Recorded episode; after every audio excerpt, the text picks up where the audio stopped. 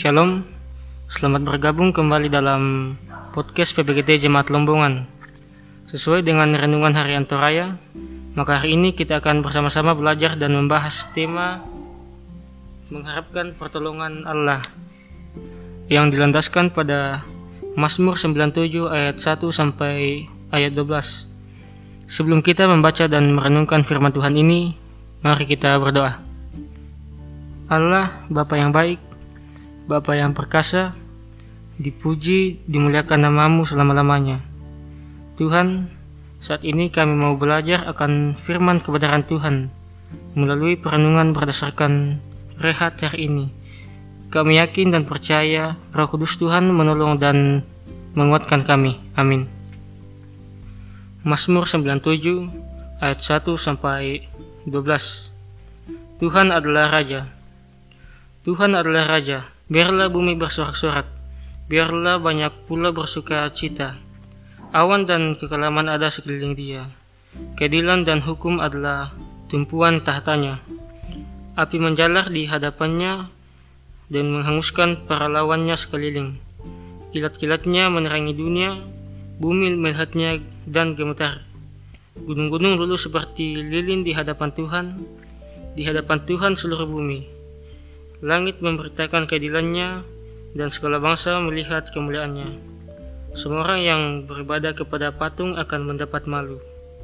Orang yang memegahkan diri karena berhala, berhala, segala Allah sujud menyembah kepadanya. Sion mendengarnya dan bersuka cita. Putri-putri Yehuda bersorak-sorak oleh karena penghukumanmu, ya Tuhan. Sebab engkaulah Tuhan yang maha tinggi di atas seluruh bumi, engkau sangat dimuliakan di atas segala Allah. Hai orang-orang yang mengasihi Tuhan, bencilah kejahatan. Dia yang memelihara nyawa orang-orang yang disakitinya akan melepaskan mereka dari tangan orang-orang fasik. Terang sudah terbit bagi orang benar, dan sukacita bagi orang-orang yang tulus hati. Bersukacitalah karena Tuhan, hai orang-orang benar. Dan nyanyikanlah syukur bagi namanya yang kudus. Amin. Mengharapkan pertolongan Allah. Seringkali kita lengah dalam menjalani kehidupan keseharian kita. Seolah-olah tidak ada yang mengontrol. Akibatnya, kita bebas melakukan apa saja yang kita mau, termasuk menindas sesama kita, seperti orang fasik yang menindas orang benar. Tetapi bagaimana akhir dari tindakan seperti itu? Mazmur 97 menggambarkan keberadaan Allah sebagai raja yang akan membela umatnya dari penindasan orang-orang fasik. Pemazmur mengakui bahwa Allah adalah raja yang punya kekuatan untuk membela milik kepunyaannya. Pemazmur menggambarkan bahwa kedatangannya menggetarkan seisi dunia sehingga alam pun tidak berdaya di hadapannya. Bahkan bangsa yang menolak Allah dengan cara menyembah berhala bertunduk malu di hadapannya.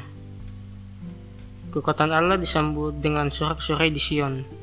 Allah datang untuk menegakkan kebenaran dan keadilan karena semua orang benar tetap dipelihara olehnya dan melepaskan umatnya dari tangan orang-orang fasik.